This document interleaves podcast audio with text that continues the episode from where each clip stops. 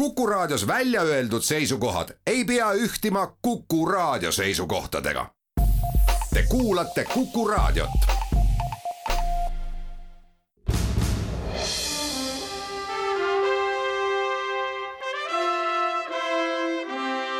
vahetund Postimehega tere päevast, kell siin Kuku raadio stuudios on saanud kolmteist null seitse.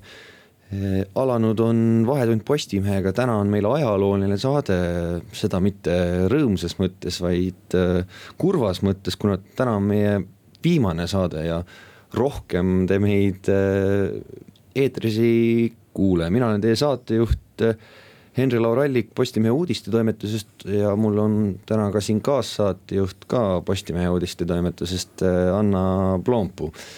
Eks me üritame viimast korda siis teie uudisvajadusi rahuldada.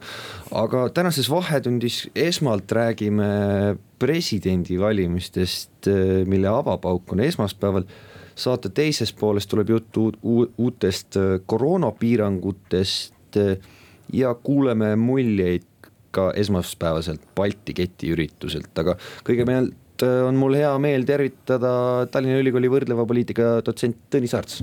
tervist. homme kell üheksa algab äh, kandidaatide registreerimine presidendi valimisteks äh, ja neid saab siis üles seada laupäeva õhtuni. nüüd see olukord tänavu on olnud niivõrd segane, meil on olnud äh, nüüd tulnud viimane, viimase minuti kandidaat Alar Karise näol, kas teie nii-öelda ajalooline mälu ütleb, et kas need meeleolud, mis praegu on, tulevad teile tuttavad ette? ausalt öeldes ei tule, et need on üsna erakordsed valimised, kus tegelikult ju noh, alles nüüd nädal on aega teame, kes võiks olla kandidaat riigikogus. et äh, niisugust, äh, niisugust arengut varem ei ole olnud. Et üldine muster on ikkagi see, et erakonnad käivad oma kandidaadid üsna, üsna varakult välja ja, ja toimuvad debatid ja, ja ringi sõitmised äh, maapiirkondades, et, et ka valijameestele kohalikest omavalitsustest kuidagi midagi öelda ja, ja meeldida. aga seekord on see kõik ära jäänud ja noh, ega me neid põhjusi ka teame, et eelmiste valimiste kahe tuhande kuueteistkümnenda aasta kogemus, see vari, selle ebaõnnestumise vari, mis oli kaks tuhat kuusteist, kus äh, valimiskogu presidenti ära ei valinud. selle ebaõnnestumise vari tegelikult varjutab ka neid valimisi väga selgelt, et ma usun, et kui ei oleks olnud seda kahe tuhande kuueteistkümnenda aasta ebaõnnestumist väga suure tõenäosusega see muster oleks olnud üsna sarnane, mida me oleme näinud varem, et iga erakond käib oma kandidaadiga välja ja noh, siis vaadatakse, et mis, mis lõpus saab.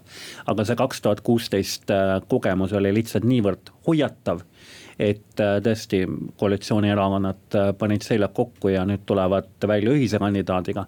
aga teisest küljest on ka näha, et niisugust entusiasmi on kuidagi vähe. et seda presidendivalimiste, neid presidendivalimisi ei ole võetud nagu väga noh, niisuguste, niisuguse prioriteetse tegevusena. et vastasel juhul ma usun, see kandidaatide otsimine ja kaalumine oleks olnud juba siin mõni kuu varem. Huvitav on ju ka see, et kui äh, näiteks äh, Keskerakonna puhul kuulata, kuidas nemad presidendivalimisi on kommenteerinud, siis äh, väga suured tõenäosusega on nad öelnud oma kommentaarides mitte seda, kes võiks olla nende eelistatud kandidaat, vaid see, kuidas nemad soovivad ikkagi presidendi otsevalimisi, ehk siis käib selline noh, kohalike valimiste eel ka selline oma idee tutvustamine igal võimalikul võimalusel. Alar Karis, olgu ta viimase nii-öelda minuti hädakandidaat, ta on praegu ainukene tõsiseltvõetav kandidaat ikkagi no jah, praegusel juhul küll, kui ta riigikokku läheb ja, ja tõenäoliselt sealt edasi ka valimiskokku. Et äh, ma usun, et tegemist on kandidaadiga, kelle, kelle puhul võimalused presidendiks saada noh, on, on täiesti arvestatavad. aga noh, Eesti eh, poliitilist ajalugu vaadates, kui need valimised lähevad valimiskokku, siis mingisuguse prognoose teha ma küll ei julgeks, isegi täna, kus me teame seda, et eh, noh, kohalike omavalitsuste esindajate osakaal valimiskogus on oluliselt väiksem, kui on varasematel kordadel. ja noh, seda väiksem on nende, nende vali, valijameeste osakaal, kes, kes ei ole erakondlikult seotud, on valimisliitudes ja noh, kelle hääletamiskäitumine on täiesti etteaimamatu. et neid võrreldes varasemate kordadega on veelgi vähem, nii et noh, näib, et justkui asjad on ennustatavad. ja koalitsioonierakonnad dikteerivad mängu aga ma ei ole lõpuni kindel, kas koalitsioonierakondade sees hääled peavad ja kokkulepped peavad. sest me teame, et ka siin on tegelikult erinevatel osapooltel erinevad eelistused. ja kui valimiskogus tulevad äh, teised kandidaadid, siis eks need küüsatused kuidagi teistmoodi hääletada ka kasvavad. aga Henn Põllu, Põlluaast, keda ka EKRE väga tahab esmaspäeval, aga tõenäoliselt võib neil nii-öelda kaks häält puudu jääda te, tema, tema vist Eesti presidendiks ei saa. no mul on praegu ja. raske ette kujutada tõesti seda stsenaariumit, äh, kuidas Henn Põlluaas võiks presidendiks saada. et äh, valimiskogus äh, EKRE, EKRE saadikute osakaal või EKRE taustaga saadikute osakaal ei ole väga suur. Nad tegelikult mängu ei määra ja kuna Henn Põlluaas ei noh, ma ei ole kuskil nagu tunnetanud seda, et, et Enn Põlluaasa nähakse kui kompromisskandidaati mis sobiks nii liberaalidele, konservatiividele ja nii edasi.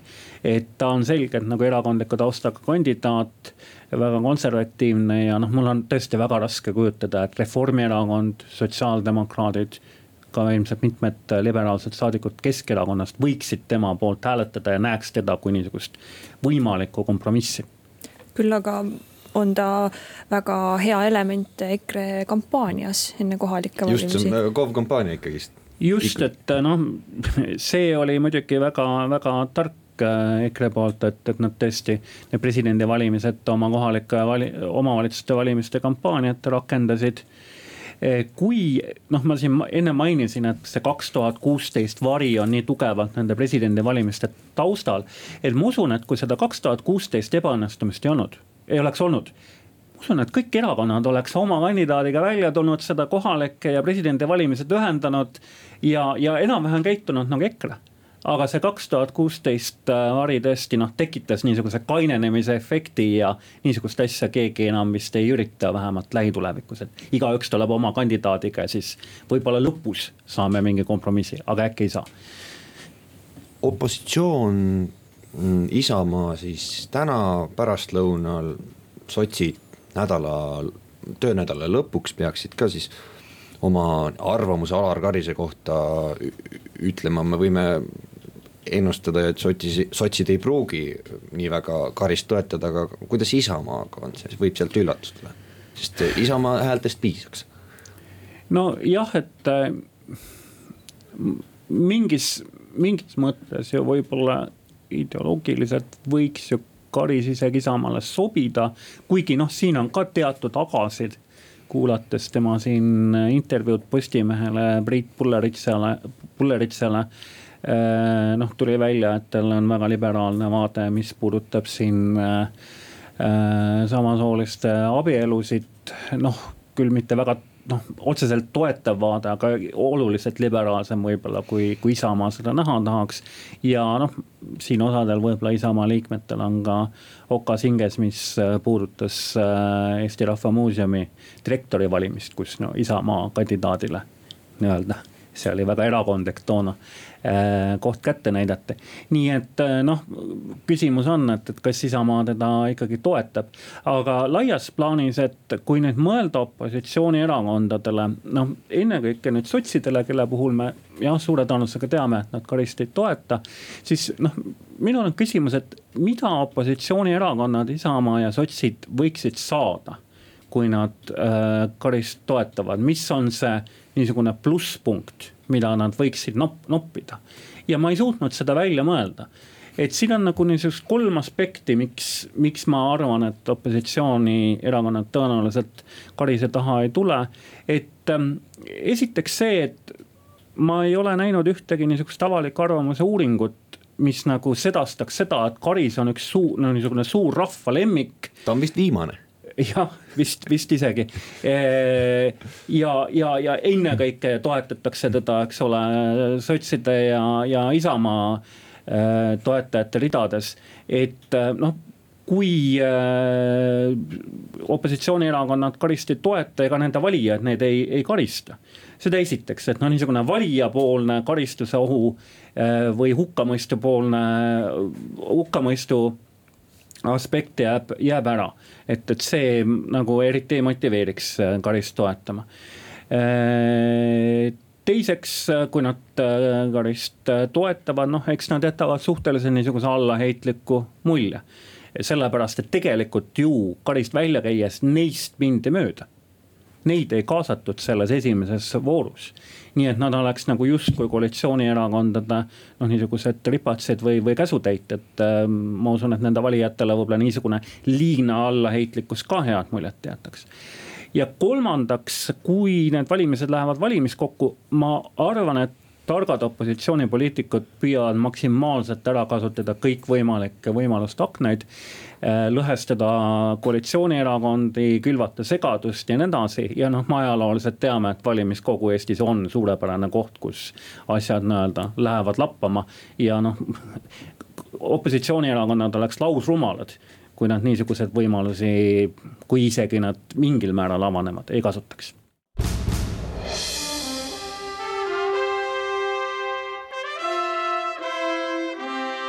vahetund Postimehega.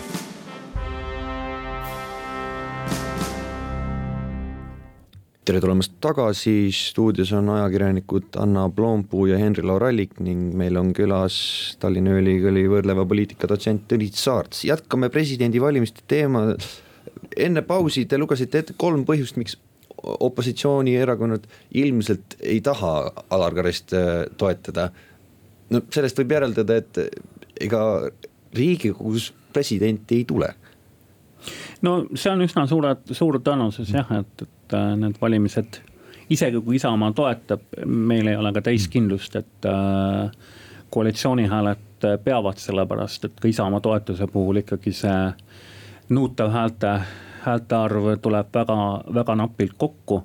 et jah, see on päris suur tõenäosus, aga no me ei oska öelda, võib-olla kuskil telgitagustes äh, Isamaaga tehakse mingisugune diil, nii et, et, et äh, on võimalik riigikogus ära valida, aga, aga ma arvan, et opositsiooni strateegia võiks olla pigem see, et minna valimiskogusse ja vaadata, äkki annab midagi paremat sealt välja tuua ja on ju näiteks äh, sotsiaaldemokraadid ju öelnud, et nende esimene valik äh, presidendi kohale oleks ju Kersti Kaljulaid, praegune president, et ta jätkaks.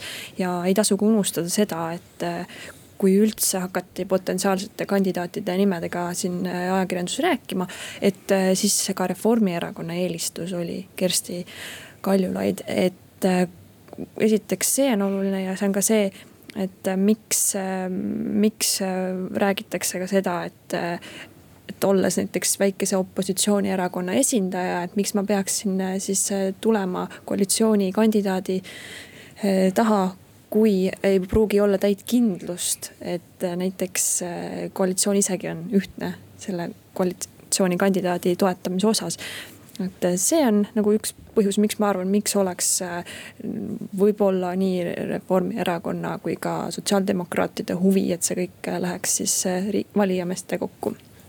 enne omakeskis arutasime, et kes see, et kas, kas võib ja kes see must hobune on ikkagist tuleb, võib ju nentida, et vabalt Kersti Kaljulaid võib olla see must hobune ja te, teist korda nii-öelda võidu võtta ja ma arvan, et, et see on vist vähetõenäoline, arvestades, kui raskelt need äh, kandidaatide otsingud on käinud, et me näeme täiesti mingit uut nime, keda me ennem ei ole näinud või kuulnud. kes on ka avalikkusele vähe tuttav, seda tõenäoliselt mitte. et tõenäoliselt jah, see must hobune, kas on istuv president või tuuakse ka Tarmo Soomere taas mängu, sellepärast et siin ongi see kalkulatsioon ma usun opositsioonierakondadele, et on teada, et kui tuuakse Kersti Kaljulaid mängu siis on võimalus, et osa reformierakondlastest siiski hääletab tema poolt. eriti kui Kaja Kallas ei anna väga selgeid signaale, et meie kandidaat väga selgelt on Alar Karis ja see on tõesti meie erakonna kandidaat, keda, kes äh, kes äh, meile, meile kõige paremini sobib. Et kui niisugust selget seisukohavõttu ei, ei tule, siis äh, Reformierakonna hääled võivad ka hajuma hakata, eriti kui Kersti Kaljulaid on mängus. aga ka Tarmo Soome puhul ma ei välistaks, et ka Keskerakonna hääled hakkaksid näiteks hajuma kuigi Keskerakonna esimees Jüri Ratas on mm, -hmm. talt on küsitud ühemõtteliselt, ta on vastanud ühemõtteliselt, et ei, tema sellel aastal kindlasti ei kandideeri presidendiks. kas valimiskogus võib toimuda kanna, kannapöörde, et Eesti rahval on mind vaja, et oh, me ei saa hakkama ja ma tulen ja päästan see kannapööre saab toimuda siis, kui Reformierakonnaga on ka siin kokku lepitud, ma hästi ei usu, et Jüri Ratas läheks valimiskokku kaotama. ja noh, võib-olla üks stsenaarium, aga see on tõesti nihuke äärmuslik stsenaarium, on see, et. et kõik varasemad kandidaadid on kuidagi põhja lastud seal valimiskogus neis voorudes ja siis noh, jääb tema kui nii, niisugune võimalik valik, et äh, koalitsioon saaks üldse oma nägu säilitada, aga praegu seda stsenaariumit mul on raske ette kujutada nüüd see olukord, kas ta võib mõjuda poliitmaastikule laiemalt ka? Te rääkisite enne, et äh, opositsioon läheb segadust tekitama, võib minna segadust tekitama minna, kas me võime ka siin näha vangerdusi või? Märgiline on ka see, et tegelikult on juba natuke noh, on näha, et seda segadust ju tekitatakse, kasvõi see. Eh, lihtsalt lisan siia, et eh, näiteks sotsiaaldemokraadid on eh, ju välja toonud, et näiteks koalitsioonikandidaadi, noh võimaliku kandidaadi Alar Karise puhul. Nad ei kuulnud jõulist sõnumit korruptsiooni taunimise kohta ja siis lisaks toodi välja ka tema äh, hinnang siis Keskerakonna, EKRE, Isamaa valitsuse ajal toimunu kohta, nii, mis oli kriitiline. mida ta hiljem parandas, et mitte mitte et valitsus, vaid valitsuse ajal. just, et, et me juba näeme tegelikult seda võbelust, nii et. noh, peaaegu kõik presidendivalimised, mis on liikunud valimiskokku, on hiljem tekitanud Eesti poliitikamaastikul suuremaid või väiksemaid maavärinaid. et äh, noh, tõenäosus, et, et ka need valimised ei möödu ilma, ilma suuremate, äh, suuremate järelmõjudeta noh, see tõenäosus on olemas, et, et, et võib-olla seekord nii ei lähe, aga, aga ajalugu vaadates ei ole üldse välistatud, et, et me näeme seninägematut eh, arenguid. Ja siin tuleb arvestada seda, et eh, ju omavahel põimuvad kohalikud valimised ja presidendivalimised. Ja noh, see stsenaarium, must stsenaarium on tõesti see, et opositsiooni hääled lõpp, vabandust, koalitsiooni hääled lõpuni ei pea. Äh, üks neist koalitsioonierakondadest kuidagi tunneb, et teda on alt veetud, siis tulevad kohalikud valimised. Äh, ühel neist äh, koalitsioonierakondadest ei lähe ka kõige paremini see niisugune frustratsioon suureneb järjest, presidendivalimised ebaõnnestunud, kohalikud valimised ebaõnnestunud. valitsuskoalitsiooni toetus ei ole ka enam eriti kõrge ja noh, siit võime ise arvata, et eriti hästi see tõenäoliselt koalitsiooni püsimisele ei mõjuks aga nüüd võimu kaotamine, president, olgu ta on äh, väga sümboolse tähtsusega, aga äh, ta ei ole nii-öelda poliitika elluviimises äh, justkui väga oluline, et kas see, see on nii-öelda hea president on piisav nii-öelda präänik, et võimu kaotada. mulle ei tundu nii, kas on mõistlik riskida sellega?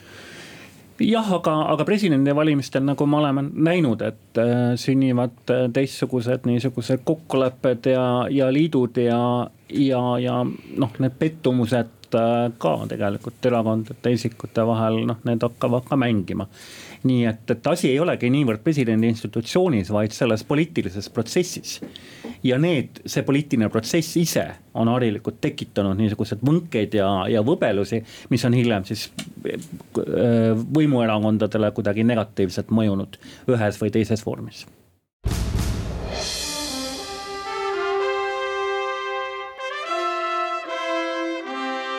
vahetund Postimehega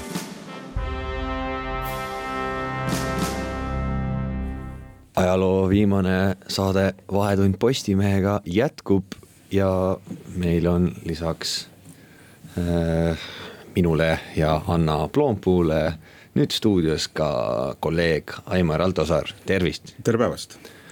aga nagu välja reklaamisin, siis äh, homsest kehtivad uued koroonapiirangud äh,, millega muutub siis maski kandmine avalikes ruumides kohustuslikuks, juhul kui ei kontrollita siis äh, Covid-19 äh, tõendit.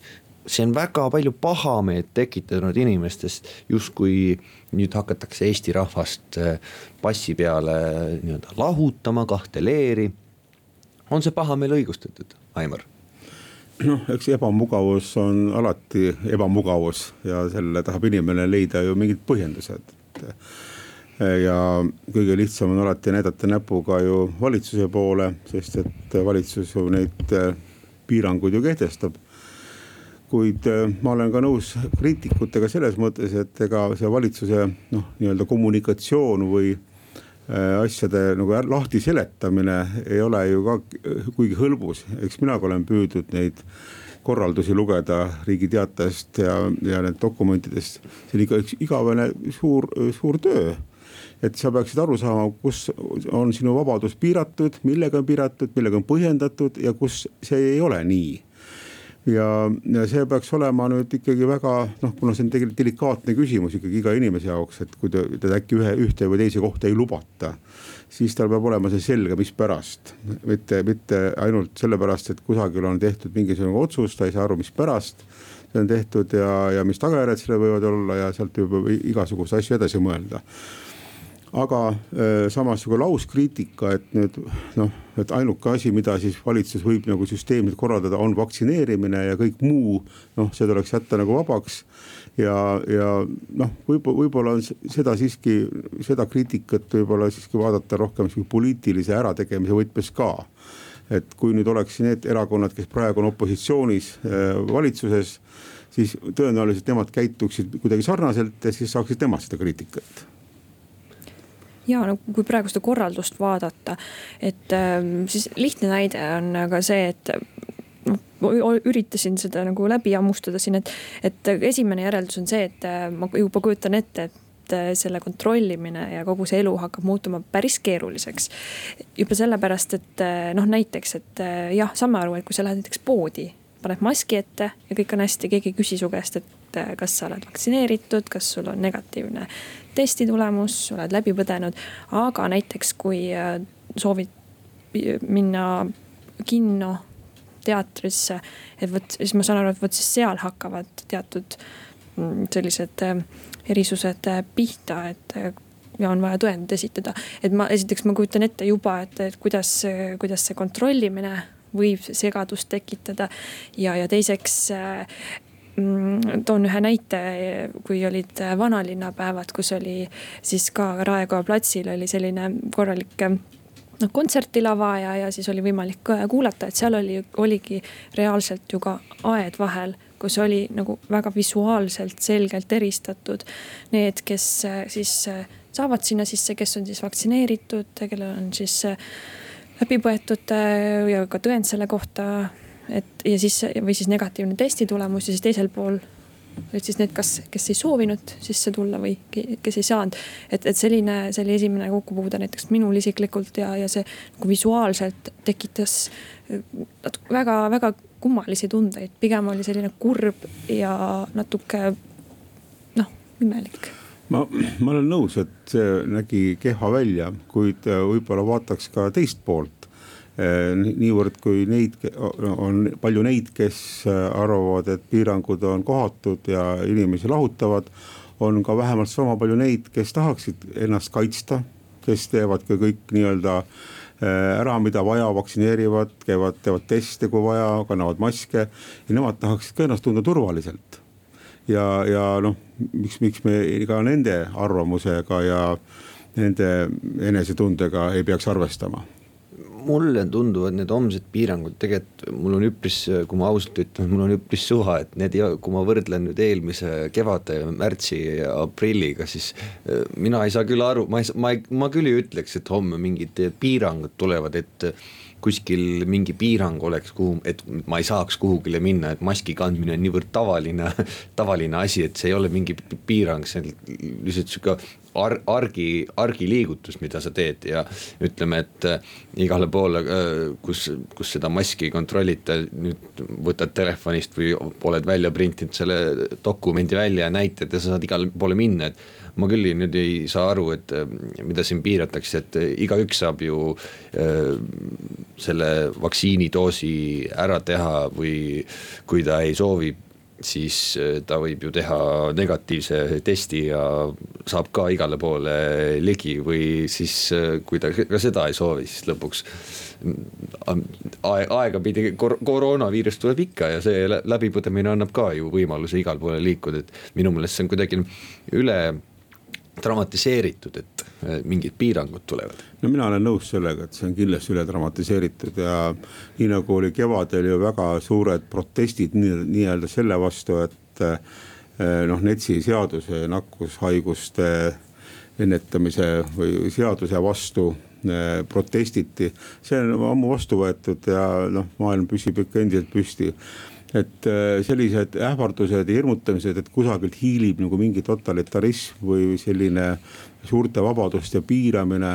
Äh, eks need on sihuke poliitiline retoorika, millega võib-olla siis püütakse noh, teatud inimesi mobiliseerida aga, aga ega palju siin tõesti ei muutu ja ma arvan, et kogu see korraldus on ikkagi, põhineb inimeste nii-öelda tervel mõistusel ja usaldusel oma ühiskonna vastu. et, et me ikkagi ise peaksime tajuma, kuhu siis tasub minna noh, nii-öelda lähestikku kokku teistega ja kuhu siis ei tasu minna. Kus maskiga või ilma, et need noh regulatsioonid, mis juures on, need lubade küsimused, need on teinekord ainult võib-olla toetavad. Et ma arvan, et igaüks saab tegelikult ise aru, kui ta natukenegi mõtleb, et noh, nakkushaigus on nakkushaigus, et me seda ju oma mingisuguste otsustega või protestidega ümber ei tee lõpuks ta on ju ikkagist väga kerge ennetav meede, et äh, siin võib ju Uus-Meremaa näite tuua, kus äh, oli üks positiivne nakatunud ja siis hakati kohe riiki sulgema, et see praegu naljanumber, aga põhiküsimus, ma saan aru, räägitakse sõnast proportsionaalsus, et kas, kas need piirangud on proportsionaalsed, kuidas, kuidas neid hinnata nüüd? no mina ei lugenud nüüd välja, et nad oleksid nüüd väga proportsioonist väljas, kuid nagu me teame iga noh, ütleme alati on eriti püüdlikke või ütleme võib-olla reaalsusega vähe arvestavaid, noh, ma ei tea, ametiisikuid või lihtsalt aktiviste, kes võivad ka kõige mõistlikuma seaduse absurdiks keerata. et ma arvan, et siin ei, ei, ei ole, maksa loota ainult inimeste enda tervele mõistusele, vaid ka nendele, kes siis peaksid seadust nagu aitama täita või korraldada. et loomulikult ütleme hea tahte juures või sihukese noh, rumaluse puhul võib ju selle seadusega tõesti paljude inimeste elu nagu võib-olla rikkuda, aga noh, mingi mitte elu päriselt ära rikkuda, ma mõtlen mingis sündmuses osalemisest, osa, osalemist teha nagu äh, selliseks ebameeldivaks. aga ma usun, et need peaksid jääma ikkagi erandlikuks ja sellisel puhul on ikkagi meil olemas ka korrakaitse, meil on olemas võimalus kohtusse kaevata, kui tagajärjed on tõsisemad. et ma ei arva, et et, et see nüüd eraldi, eriti meie elukvaliteeti halvendab.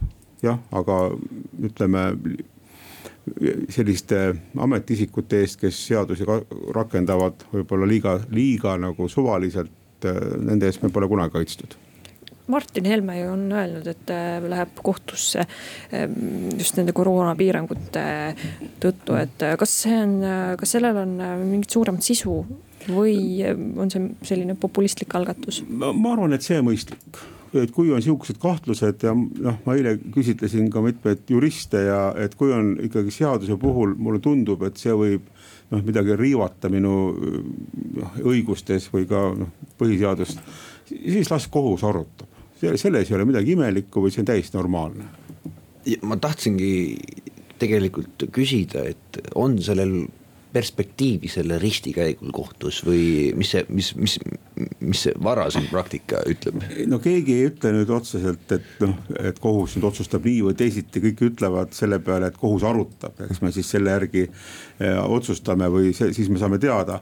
aga kuna see nagu väga mitme, mitmest noh tegevusest ja mitmest piirangust koosnev kompleksne asi, siis on võimalik, et mingi osa sellest ongi eh, noh, nii-öelda põhiseadusega võib-olla vastuolus või riivab mingeid seadusi ja teine osa mitte aga seda on nüüd oletatud, et võib nii olla, et on nii ja naa, aga me ei tea veel, aga ootamegi siis kohu, kohtulahendi ära, kui kohtusse kaevatakse. ainult ma juhin tähelepanu, et, et Martin Helme ka teatas üleeile, et nad alles oma juristidega äh, uurivad seda asja, kas noh, on ikkagi alus piisav, et kohtusse üldse kaevata, noh, meil ei ole veel seda. noh, minu teada ei ole nad seda veel teinud. tihti ju seda üldse ei tehta jah, et see on ka sageli ka retooriline ja nüüd kasutatakse poliitiliseks käiguks, et ma nüüd ähvardan kohtuga, et äkki siis keegi lööb põnnama. aga nagu ma ütlesin, juristide arvates ei ole sellest midagi imelikku ja halba, kui see lähebki kohtusse ja sealt tuleb lahendus. eks näeme seda, kuues september on see tähtaeg. jah, nii kaua on võimalik esitada kohtusse. ja pärast seda naasnevad või kaasnevad pikad-pikad-pikad aru, nii-öelda kaalumised siis, et tõenäoliselt seda need piirangud võivad ammu läbi nojah, et sõltub jah inimeste aja, ressursist, tahtest ja, ja kui keegi näeb sellest mingisugust oma huvi veel, noh, miks mitte, need kohtuviskid võib ju jahvatada lõputult ka tagantjärgi võib ju ilmselt need juba, juba kehtivad piirangud võib kindlasti vaidlustada ja mingi, mingil, mingil määral ilmselt mitte seda konkreetselt korraldust nüüd, aga noh, kindlasti on võimalus alati vaidlustada midagi.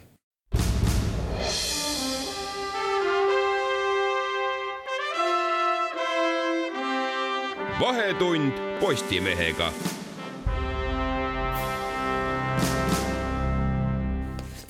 nüüd on aeg rääkida Balti ketist, küll mitte sellest Balti ketist, mis oli kolmkümmend kaks aastat tagasi, vaid sellest Balti ketist, mis toimus esmaspäeval, selle ürituse nimi oli siis Balti kett kaks tuhat kakskümmend üks, mis siis üritas küll jäl-, jäljendada nii-öelda kolmkümmend kaks aastat tagasi toimunud Molotov-Ribbentropi pakti avalikustamist ja siis Balti riikide iseseisvust nõudvat sündmust, aga äh, seda hoopis teise sildi all. meil on stuudios hea meel tervitada kolleeg Sander Punamäe, sina käisid kohal peal ka, jah? tere, tere ja tõesti juhtus niimoodi, et just mina siis pidin sinna kohale minema Äh, siis kõike ei kajastama, mitte siis kätest kinni hoidma, et, et enne, enne sinna minekut ma mõtlesin päris pikalt, et kuidas seda nimetada, täpselt nii nagu sina siin natukene olid hädas, kuidas seda siis nimetada, olin ka mina terve päeva hädas, mõtlesin selle peale. ja teine siis probleem minu jaoks oli see, et kuidas öelda nende inimeste kohta, kes nad seal siis on. ja tegelikult seda probleemi ma enda jaoks läksingi sinna lahendama, et küsida nende endi käest, et mida nad seal teevad, miks nad seal on ja mis üritus see on ja kes nad siis on hüpotees, et seal kõik on vakts-, vaktsiinivastased, ei vastanud absoluutselt tõele. et ma ise võib-olla leidsin seal kolme äh, kolme arusaamaga inimesi, et kindlasti oli neid, kes pidasidki vaktsiine ohtlikuks ja ohtlikumaks kui koroonaviirus. oli neid inimesi, kes siis äh, nõudsid paremat võib-olla kommunikatsiooni valitsuse poolt Äh, erinevate siis meetmete osas. et miks midagi, mingit otsust on äh, vastu võetud ja, ja mida ja kuidas siis tegelikult peaks neid asju tegema. ja kolmas seltskond oli siis selline, kes üldse ei teadnudki, et äh, mingisugune ridade vahele kirjutatud vaktsiini vastusest kantud meeleolu seal sees on. tulid lihtsalt austust avaldama kaheksakümne üheksa aasta Balti ketile. kas kett saadi kokku ka või, või jäi see hädiseks?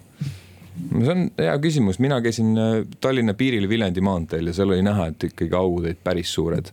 ja seda ketti seal väga-väga äh, hoogsalt, noh, võib-olla eestlasele omaselt ka. kuidas sa võtad võõral inimesel käest kinni, et, et seda, seda väga lihtne kokku ei olnud saada. ütleme, et Vilniusesse välja ei läinud. minule teadaolevalt jah, nii on. mis see, mis juttu seal räägiti, peeti seal kõnesid karjuti midagi, öeldi midagi. mis meeleolu oli seal? noh, esimene asi, mida, mida, mida ma märkasin, kui autost välja astusin, oli, et et noorematel äh, sportlike välimusega noormeestel auto suurtest kõlaritest kostus Tõnis Mägi-Koit. tanklast ostetud kohvitopsid käes ja neil oli väga tore seal olla. ja tegelikult see meeleolu oli positiivne, midagi ei ole öelda, et seal oli tegelikult oli meeldiv olla. kuigi ma pelgasin, et võib-olla seal võib leiduda inimesi, kes ajakirjanike suunas pilguga võib-olla negatiivselt vaatavad, aga tegelikult oli positiivne meeleolu.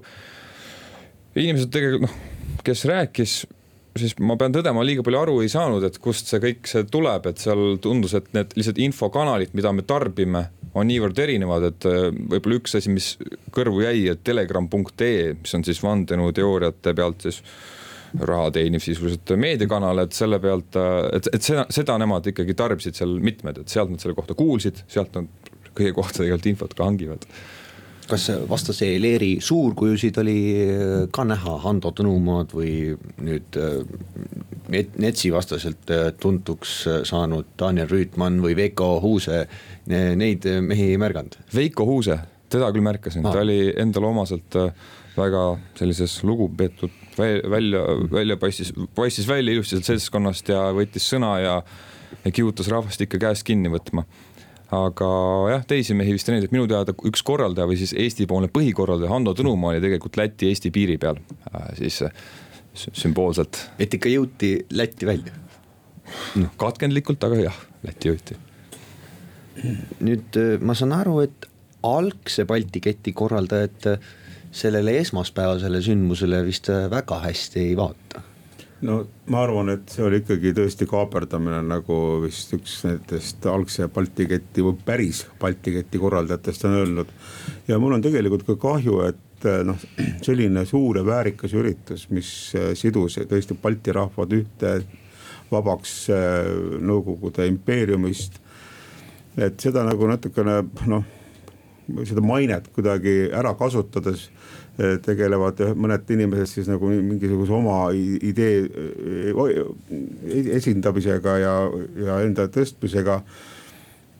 Ja kusjuures nagu ma aru sain Sander jutust, et ega nad täpselt ei teagi, mida nad seal teevad, et mille vastu see kett või mille poolt see kett oli, milleks pidid siis kolme Balti rahvad siis nüüd käest kinni võtma, et eh, mis see taotlus oli, kus see, kus see eesmärk paistis no mina pole siiamaani näiteks aru saanud sellest, et, et kas, kui kaugele see kett üldse välja jõudis inimketti ja, ja noh. see oli organiseeritud niimoodi, et äh, sul kuskil kodulehel oli mingi kaart ja sa said valida endale konkreetse punkti, kuhu sa ennast registreerid. et ilmselt siis oligi, et punktis olid inimesed, auk, punktis jälle inimesed, suurem auk ja niimoodi tegelikult see aukudena tegelikult kettida. no ikkagi, mis, mis mõte või noh, mingisugune taotlus, mingi selle eesmärk no,? laias mais, ma nüüd ei julge ühtegi inimest tsiteerida, aga laias mais mulle tundus, et, et äh, inimesed tajuvad survet vaktsineerimise osas just.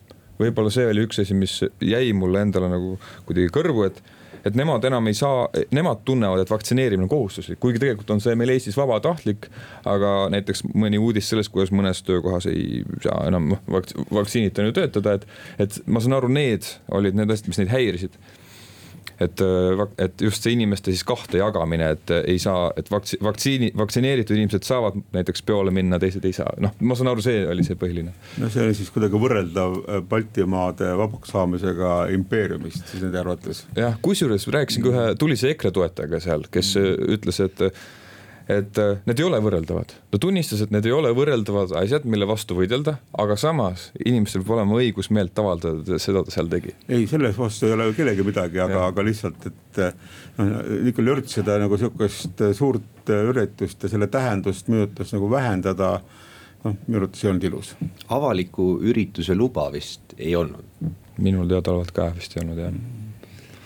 kuigi, kuigi korraldajad seal olid ilmselt. jah no Sander, sinu töö peamiselt äh, sa oled no, nagu tuntud, et sa käid erinevate äh, inimestega äh, tutvumas ja neid, nendest maalimas siis videolugusid, et kas sulle endale ka meeldib või on, on see põnev?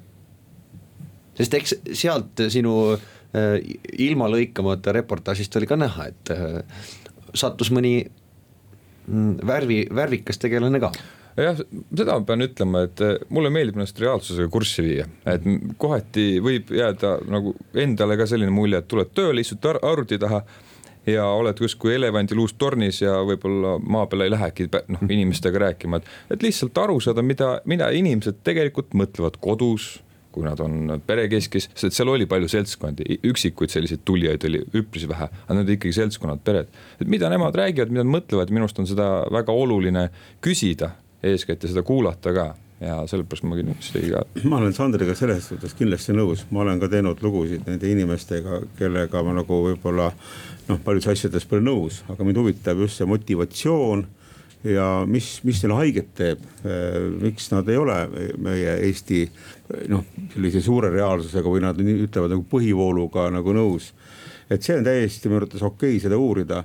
noh, mulle antud juhul lihtsalt mind häirib see, et noh, nad ei pea võtma nagu kõige noh, nii-öelda pühamaid asju siis kohe ette, et, et protestida saab igal, igal moel ja nad on ju seda näidanud, et seda oskavad ja kusjuures see, see, see nii-öelda see meeleavaldus oli ikkagi organiseeritud väga, ma peaks ütlema selles mõttes kavalalt, et nad üritasid seda ajada võimalikult laiaks, võimalikult laiaks, et me ei ole vaktsineerimise vastased, vaid me oleme siis valikuvabaduse poolt. Äh, et, et, et kui seda teksti lugeda, seda resümeed, siis äh, jäi, jäi täpselt selline mulje, et tulge kõik noh. Kas sa oled Vabaduse poolt, muidugi ma olen Vabaduse poolt, ma peaks sinna minema just. loome, loome erakonna, et varsti on KOV valimised ka tulemas. Või erakonda vist, vist ei loonud, Veiko, Veiko Huusal on see Vaba Eesti erakond. ma ei tea, kas see nüüd, kus on suur manifest ja jah, sellest ei tea täpselt. mina resümeeriksin, et ega meile vabadusi ei ohusta küll mitte miski, et äh, see on nüüd ka lihtsalt välja mõeldud tont, millega võidelda, aga tõesti tuleks uurida, miks neile meeldib välja mõeldud tondiga võidelda ja miks nad seda tonti endale maalivad.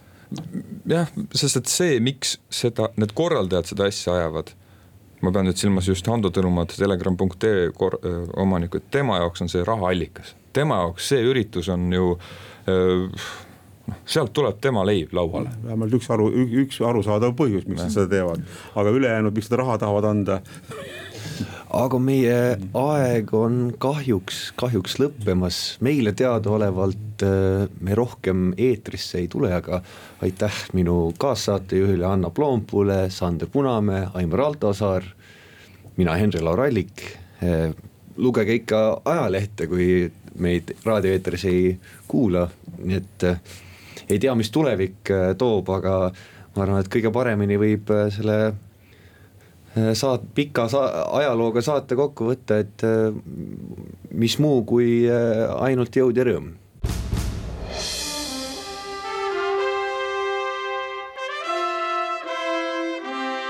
vahetund Postimehega